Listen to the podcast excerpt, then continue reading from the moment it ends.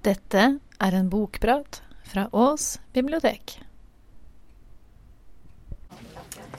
Eh, hjertelig velkommen til Bokprat.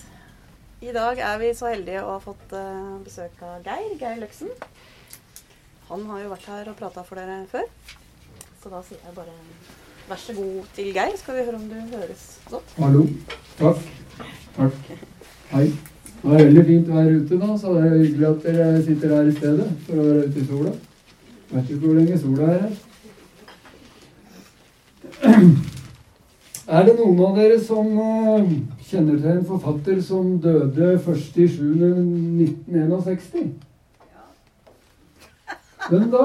Anne, vet du. Det er dårlig gjort. Nei, Jeg har sniktittet på hva, hvem det er du skal snakke om, hvis det er han, da. Ja. Ja, Celine. ja, det er helt riktig, men det var feil svar, da. Det var feil svar. Fordi jeg hadde jo som forventa at du sa Ernst Hemingway. Ja, det sa jeg ikke. Så da hadde jeg sagt Men det var en til som døde da.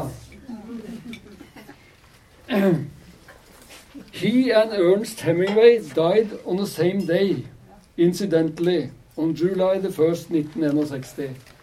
Begge var helter fra første verdenskrig. Begge fortjente nobelprisen. Celine for sin ene sin, eh, sin første bok, bok aleine. Celine didn't get one, and Hemingway did. Hemingway killed himself, and Cel- Celine died of natural causes. Alt som er tilbake, er deres bøker, og Celines bøker sakte forsvinner ut i vanæret. Det er eh, Kurt Vonnegut som eh, skriver dette i forordet til ei bok som heter Rigadon. Eh,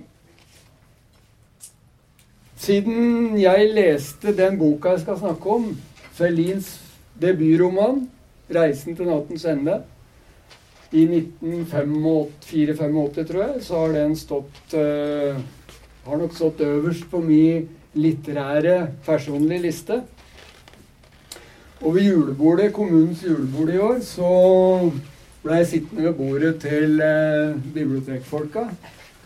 Og som kjent ved julebord så kan det fort bli svær i kjeften og ta i litt ekstra og legge ut i det vide og det breie. Og det gjorde jeg nok på dette julebordet. Om eh, bokprat. Og hvis jeg skulle prate om ei bok igjen, så måtte det være 'Reisen til nattens ende' av, eh, av Celine. Kurt Vonnegut var oppe i 40-åra før han ble gjort oppmerksom på Celine og 'Reisen til nattens ende'. Han eh, hadde en kompis som syntes det var merkelig at Vollegut ikke hadde vært borti Selim. Og uh, Vollegut leste da 'Reisen til nattens ende' umiddelbart, og det var ei periode hvor han hadde, skulle forelese på et universitet i Iowa. Uh, og la opp uh, boka da for en litterær klasse han skulle forelese for. Og som han skriver i dette forordet When it was time for me to lecture for two hours about it, I found I had nothing to say. Og det er litt meg nå, etter julebordet og min begeistring for 'Reisen til nattens ende'. Eh, og det har med at boka er så voldsom. Den inneholder så mye. Den er så desperat i sin uttrykksform at det slår deg nesten over ende. Og når jeg da skulle begynne å forberede meg til denne bokpraten, så fikk jeg det litt som, eh, som bondegutt her. Kort om Celine. Han ble født i 1896. Han hadde et eh, ganske omflakkende liv i sine unge år. Han eh, var både i USA og i Afrika og England. og eh, Veldig mye av dette finner vi da igjen i de seinere bøkene. Han debuterte med denne romanen 'Reisen til nattens ende' i 32. Eh, han fulgte opp den boka med er bok som heter eh, 'Døden på Krita'. Eh, så skrev han også eh, Han kan si at debuten er 'Reisen til Natos ende', men han skrev også sin doktor, doktoravhandling som, som lege.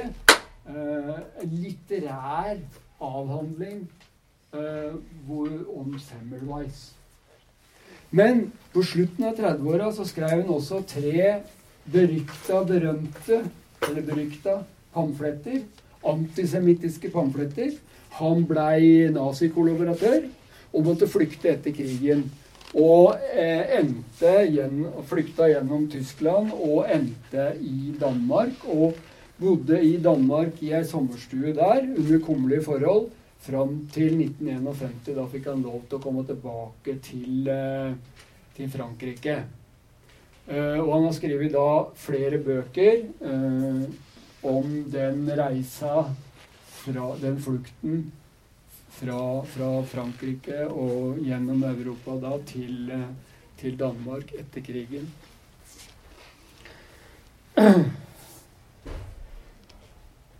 Reisen til nattens ende kom i 1932 og eh, var et eh, skapte, sendte sjokkbølger. Et eh, litterært eh, jordskjelv i Frankrike.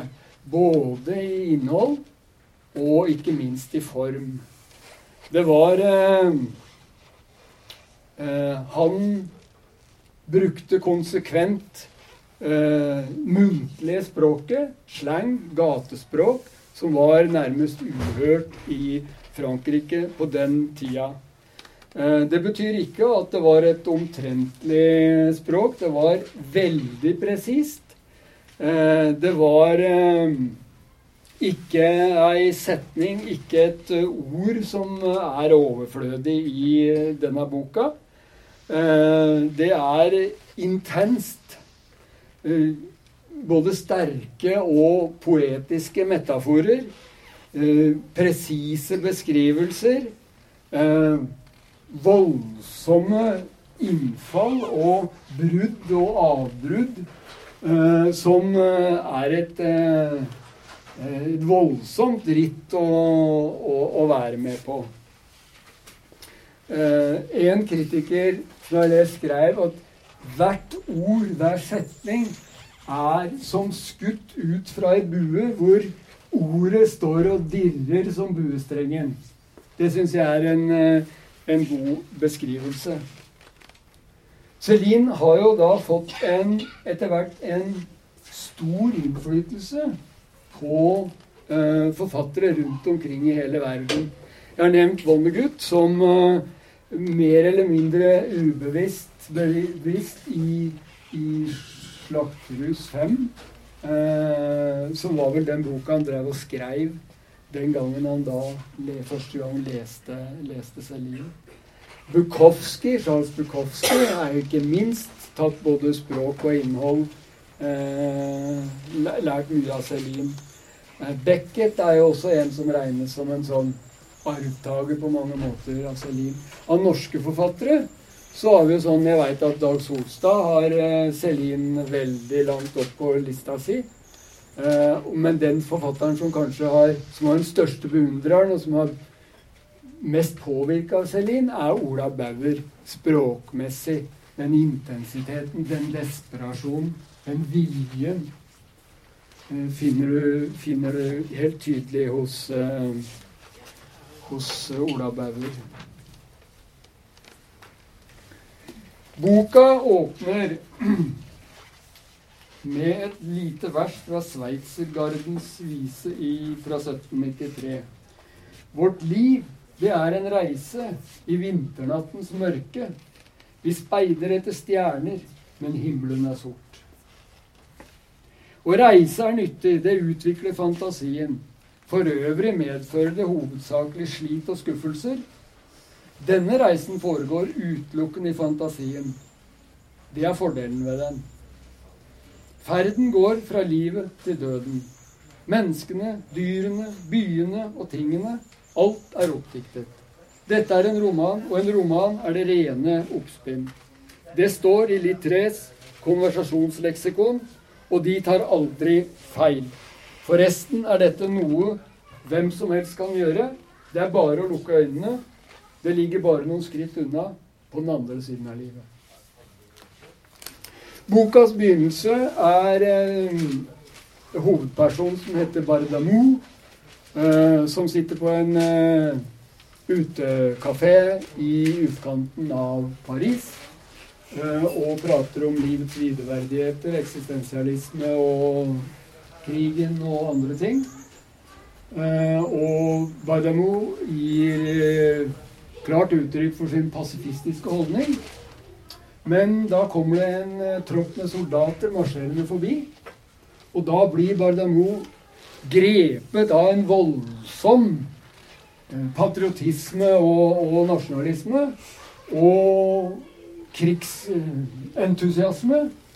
Og eh, slutter seg til eh, soldattroppen. Eh, og de er hylla på begge sider av gata, som omtrent som et, ei gate på, i Norge på 17. mai. Eh, Riktignok blir det færre og færre patriotiske tilskuere langs gata, og til slutt så er det ingen igjen. Og da prøver Bardamo å komme seg ut, for da begynner han å komme litt til sans og samling. Men da er løpet kjørt. Da sitter man først i fellen, så sitter man godt som man skriver et sted der. Og nå begynner en beskrivelse av krigens redsler. Hvordan det er å være soldat i første verdenskrig. Jeg var 20 år gammel på den tiden. Rundt oss i de fjerne lå forlatte gårder og åpne, tomme kirker. Som om bøndene var reist på fest til nabobygda i samlet flokk og hadde overlatt alt de eide, til vår omsorg.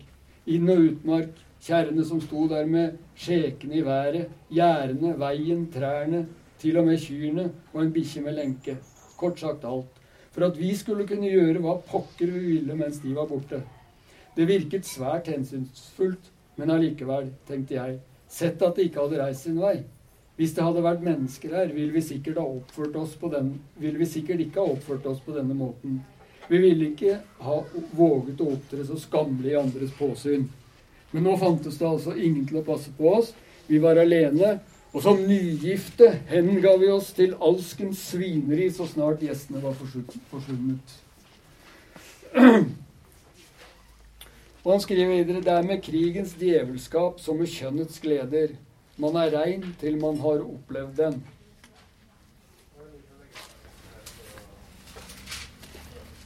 Hans beskrivelser av eh, det som foregår i, i krigen, er rått, brutalt og eh, sparer ingen. Ikke minst når det gjelder offiserer, men også de som står bak krigen.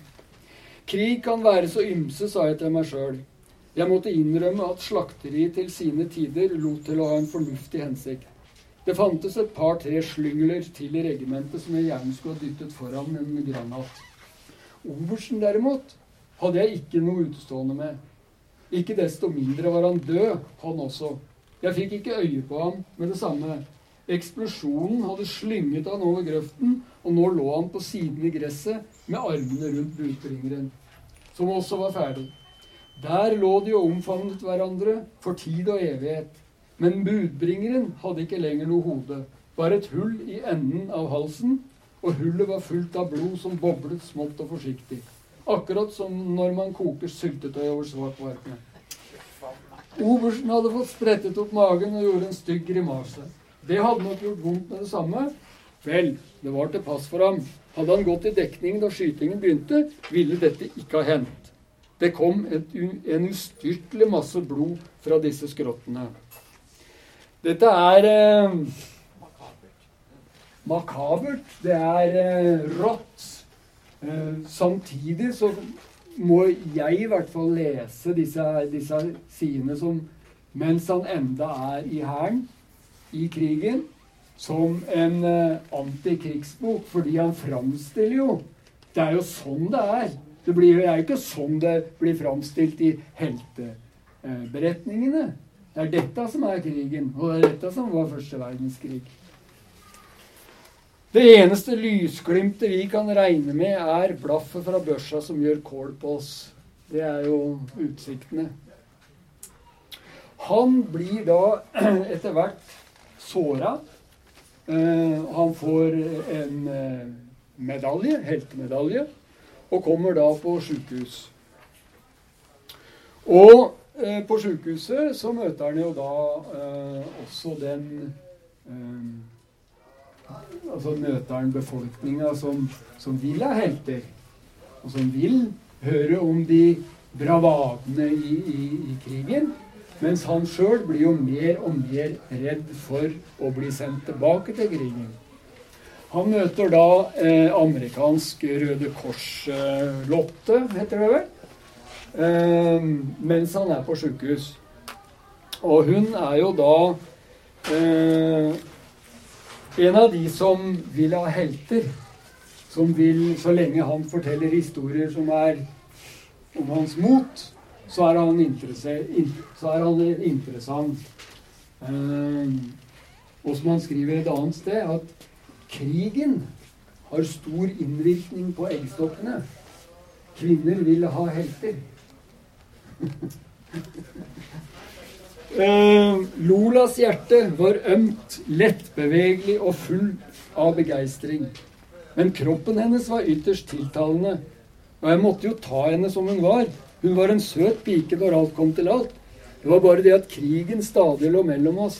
Denne fordømte massegalskapen som drev den ene halvparten av menneskeheten til å slakte den andre, og som selv ikke den mest forelskede var immun mot. En slik mani må nødvendigvis virke inn på ethvert forhold. Jeg for min del gjorde mitt beste for å tøye rekonvalesenstiden så langt som mulig. Det hastet på ingen måte med å vende tilbake til den illuminerte massegraven ved fronten. Det komplett idiotiske ved hele massakren ble tydeligere for hvert skritt jeg tok i hovedstadens gater, hvor alt stinket av smartness og svindel.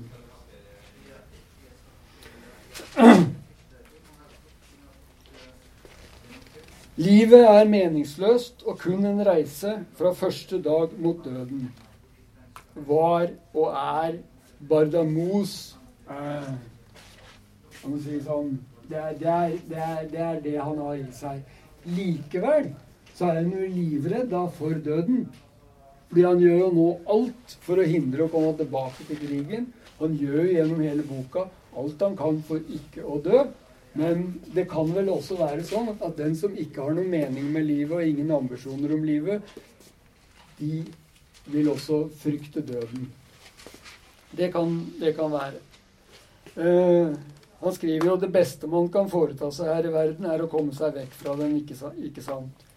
Han gjør jo da alt han kan for å ikke bli sendt tilbake til krigen. Om han da spiller gal, eller faktisk tør gæren, det er jeg ikke helt sikker på. Men i hvert fall så er det et middel for å ikke komme tilbake til krigen, men derimot bli sendt til et mentalhospital hvor likesinnede eh, er, eh, er, er, pasientene.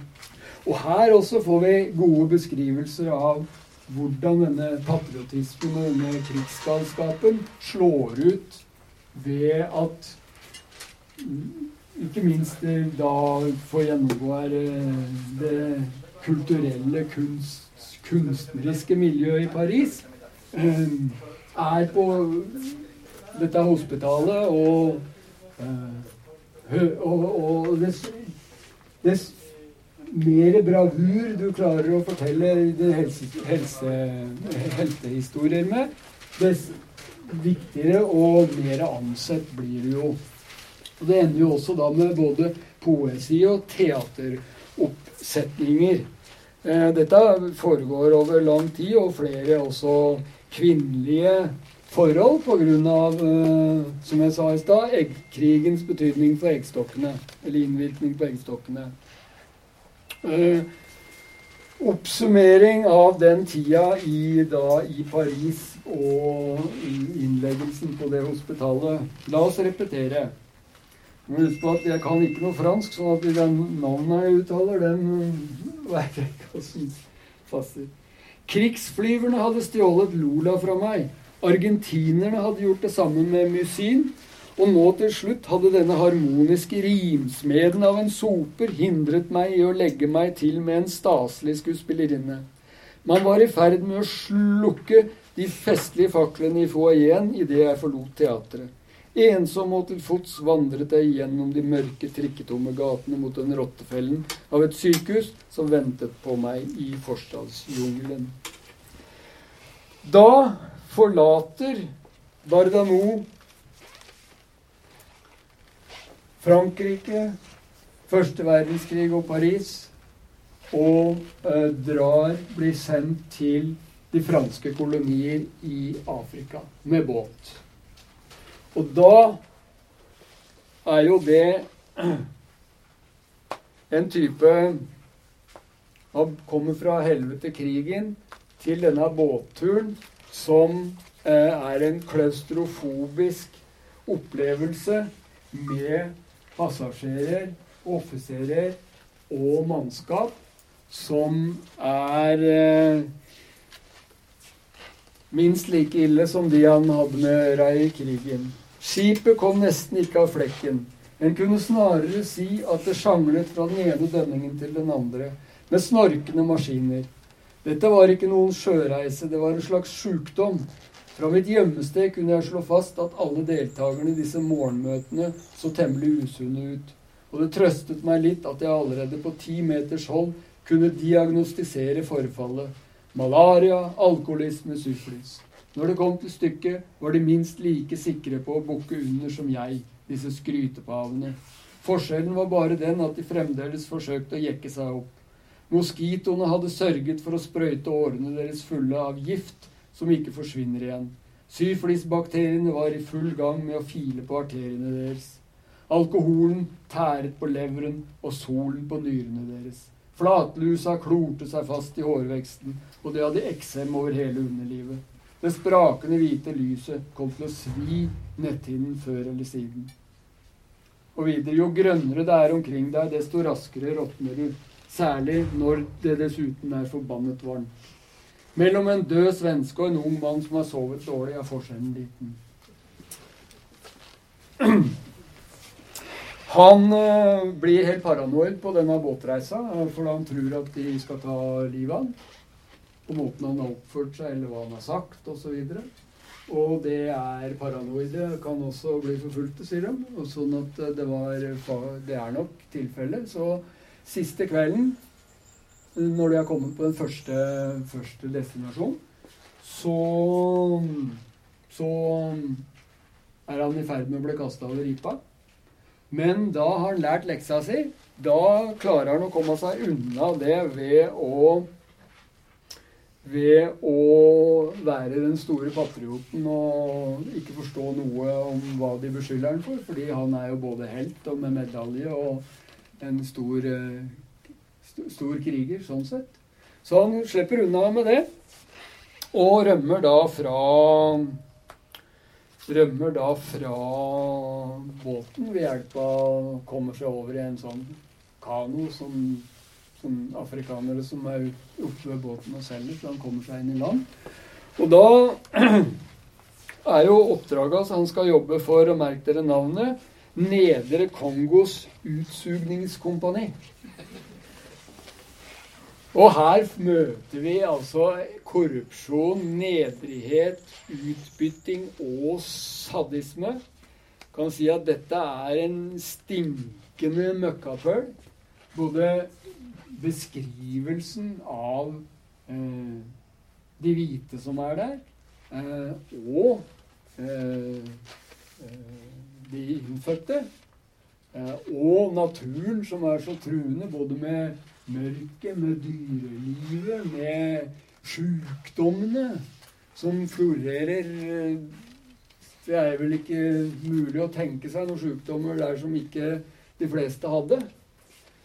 Eh, sånn at det du møter, er vel er litt sånn som jeg sammenligner med Josef Konrads 'Heart of Darkness'. Gestalta av Marlon Brando i apokalypsene. The horror, the horror hvor, uh, hvor Kurtz sitter langt oppe i en eller annen landsby i, i, i, i Kongo. Eh, og det er jo opp i et sånt sted også Bardamou skal over sitt oppdrag, fordi der er det en en eh, franskmann da som har falt i unåde, for han er mistenkt både for å stjele og det som verre er. Så han skal vekk, og så skal bare de overta butikken der oppe. Og det er rågummi som er eh, produktene som skal uh, utbyttes. Men samtidig så er det også her da eksempler på hans i møkka. Åssen poesien skinner igjennom i veldig mye av det som det han skriver. Her f.eks. om solnedgangen i dette helvete viser seg å være helt praktfulle. En trodde ikke sine egne øyne. Hver kveld var det som å se en stor tragedie med mordet på solen som et slags pompøst klimaks. Det var virkelig stort teater. Faktisk ble det litt for mye for en enkelt mann. I en hel time opptrådte himmelen i den mest flammende skarlagensrøde paradeuniform. Så eksploderte alt det grønne i skogen og for til værs i skjelvende striper. Helt opp til de første stjernene. Det neste var at hele horisonten ble grå og deretter rød igjen. Men nå var rødfargen mattere, holdt seg ikke lenge. Dermed var det slutt. Alle fargene falt ned igjen som frynsete kostymer etter forestilling nummer 100. Og dette skjedde hver eneste dag klokken seks presis. Så var natten over, med all sin styggedom, og tusenvis av padder spilte opp til dans. Det er ikke noe galt med poesien hans. Oppdraget er altså å erstatte en uh, fransk kolonisator der oppe i den lille, lille landsbyen, villagen, hva han skal kalle det. Og det viser seg at er, den som er der, er en han traff under krigen. Robinson.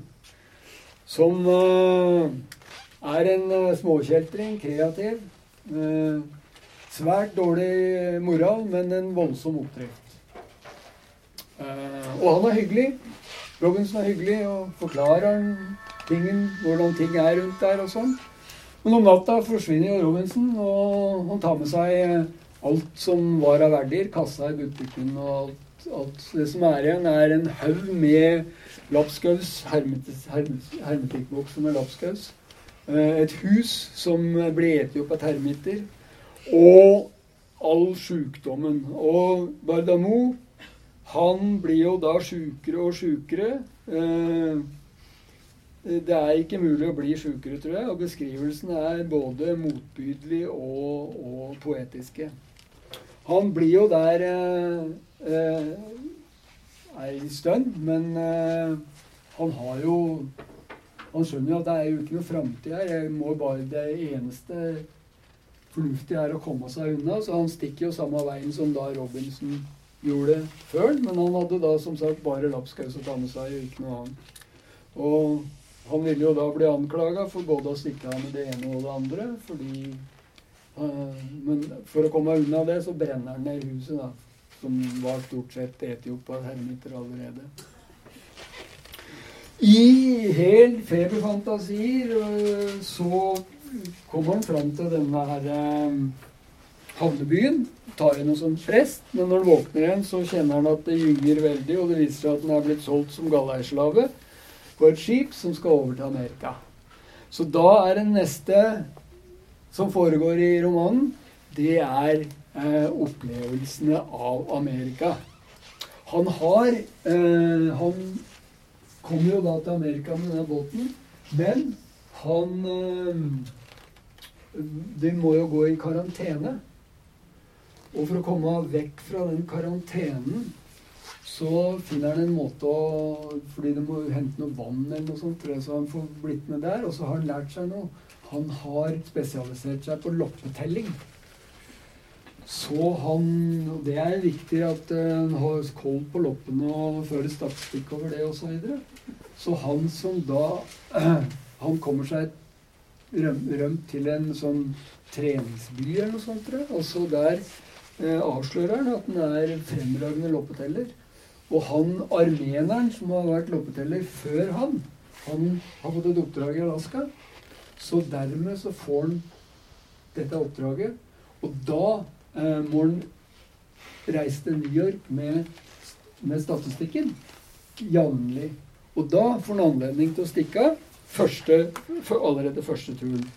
Så da får vi noen flotte beskrivelser av eh, det amerikanske Sånn hvordan franskmannen møter det amerikanske samfunnet. Det kom mannfolk forbi også, for det meste. Han sitter han sitter der og blakk og ser på trafikken, hadde nær sagt.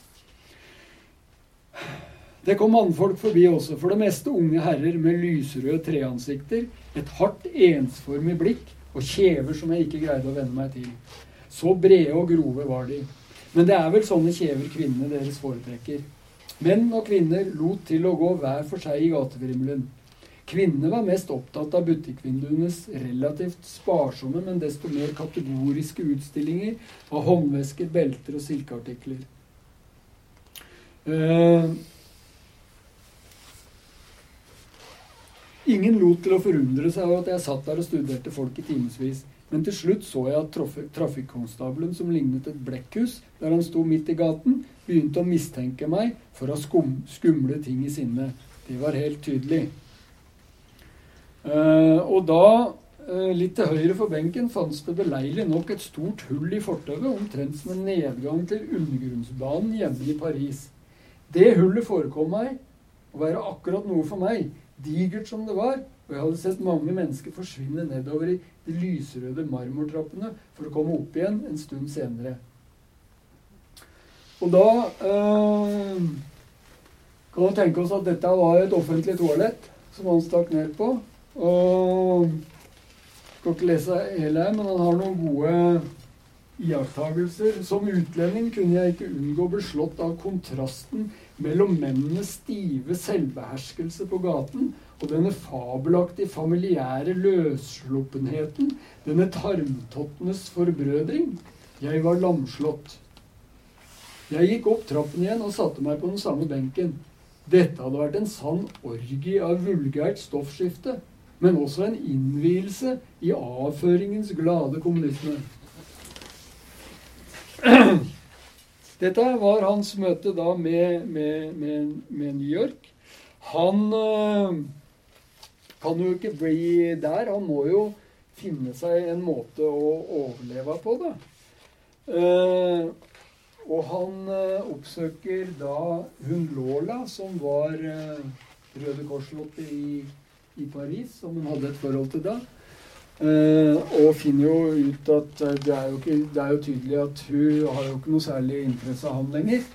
Men eh, han kan i hvert fall få litt ut av det, og det er noe penger. og Så for å få han unna, så får, han jo litt penger som kan komme seg til Detroit og Ford-fabrikken i, eh, i, eh, i, i Detroit. Og her får vi da kan du si om krigen krigen var en pølsefabrikk, så er dette her eh, samlebåndets skilpanser. Eh, nesten ingen i køen snakket, snakket engelsk. De sto og voktet på hverandre som mistenksomme dyr med lang øvelse i å ta imot juling. En stank av gammel urin steg opp fra flokken og minnet meg om sykehuset. Eh, Når de sa noe til meg, måtte jeg vende nesen den andre veien. For innsiden av en fattig faen lukter død og grønne erter, særlig død.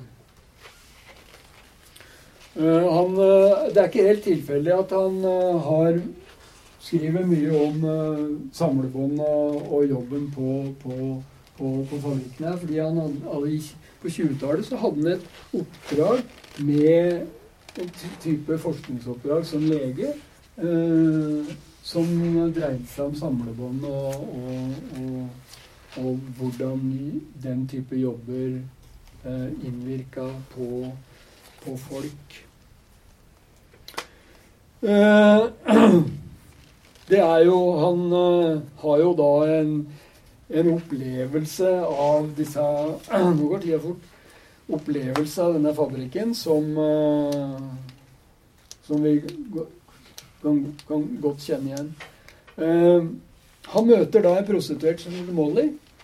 og, eh, får et forhold til henne. Og hun, hun vil han alt godt og forsøker å gjøre alt det gode med han og hjelper han veldig. Eh, Men det hjelper jo ikke. Visst var jeg glad i henne, men jeg var enda gladere i det som var blitt min last. Trangen til stadig å flykte videre for å finne jeg vet ikke hva. Og det er jo det Det, det hjalp jo ingenting om Molly var aldri så bra. Eh, han måtte videre. Den trangen, den lasten, den var ikke mulig å motstå. Men han har allikevel en liten refleksjon om eh, at Molly har hatt noe innvirkning, da. Jeg må ha vært både vanvittig og følelseskald for å kunne reise fra henne, men jeg hadde greid å forsvare sjelen min hittil, og selv om døden innhenter meg i morgen, vil jeg aldri kunne bli like kald og stygg og tung som folk flest, takket være all den ømhet og alle de drømmer Molly skjenket meg i løpet av disse månedene i Amerika. Han drar da tilbake til Frankrike, Paris, og eh, etter hvert blir lege. I romanen også. Eh, og prøver å gjøre en innsats som lege i ja, de verste strøka i områdene i Paris. Ranchy eller noe sånt. Eh, men der er det jo da ingen som vil betale for legekonsultasjoner. Alle prøver å lure ham. Han blir utnytta på alle mulige måter. Han har ikke til å betale husleie engang. Langt mindre enn sykkel når han skal på, på, på sy sykebesøk. Så det går veldig dårlig, og han eh, rømmer etter hvert. Eh, etter en eh, historie han prøver å redde en ung gutt som har eh, sikkert tubb eller noe lignende. I hvert fall det, det, da, da forsvinner han derfra. Og han etter hvert havner eh, og får seg en jobb på et institutt for psykoterapi. Og her får da psykiatrien eh, sitt pass påskrevet. Det er han, som har starta dette instituttet. Han skriver jeg, å- jeg, sier, jeg åpnet denne anstalten like før verdensutstillingen. Ferdinand betrodde han meg en dag da han var i et mel melankolsk hjørne. Den store verdensutstillingen, altså. På den tiden dannet vi psykiatere en meget begrenset gruppe. Og jeg kan forsikre deg at vi var på langt nær så forskrudde og fordervede som i dag. Det var ingen av oss som gikk inn for å bli like sprø som pasientene. Det var ennå ikke blitt moderne å mene at vanvidd kunne kureres med vås. Og det er da en eh, institusjon som eh, som veit å drive godt for eh, penger. Og spesialiserer seg på at folk vil høre det de ønsker å høre, og betaler for det. Så det det- det går for, selv, for så vidt pengemessig ganske bra. Og han lederen for eh, instituttet, han, han drar jo også på ei reise. For han har fått det for seg må ut og reise. Eh, Så Bardamo får jo en eh, viktig plass her. Og igjen så møter han Robinson, som nå eh, ikke er helt den samme, men gjennom ei historie hvor de, han skal på oppdrag fra en familie i den området Ranchi. Eh, skal ta livet av gamlemora som bor ute i hagen fordi de har livsforsikring.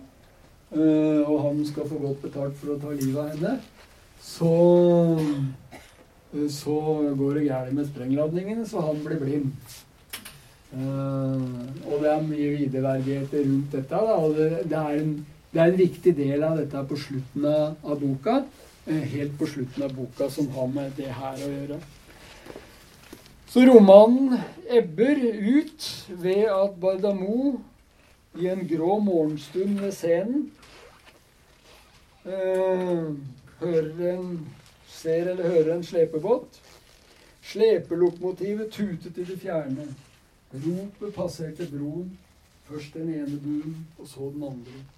Det passerte slusen, så nok en bro, og fløy lenger og lenger bort. Det kalte på alle elvens båter, på hele den store byen, på himmelen og jordene og på oss. Det kalte oss til seg, for å slepe vekk hele ruklet. Scenen også, slik at det endelig kunne bli slutt på elendigheten.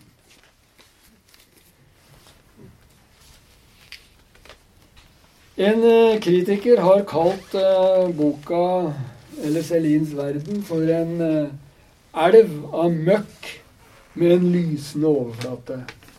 Det syns jeg er ganske godt. Det er svart humor. Det er misantropisk menneskesyn. Det kan virke som et fordervet sinn med poetisk talent. Eh, Men jeg tror det også er Jeg sa det der med antikrigsbok. Eh, Jeg tror det er Vonnegut som sier at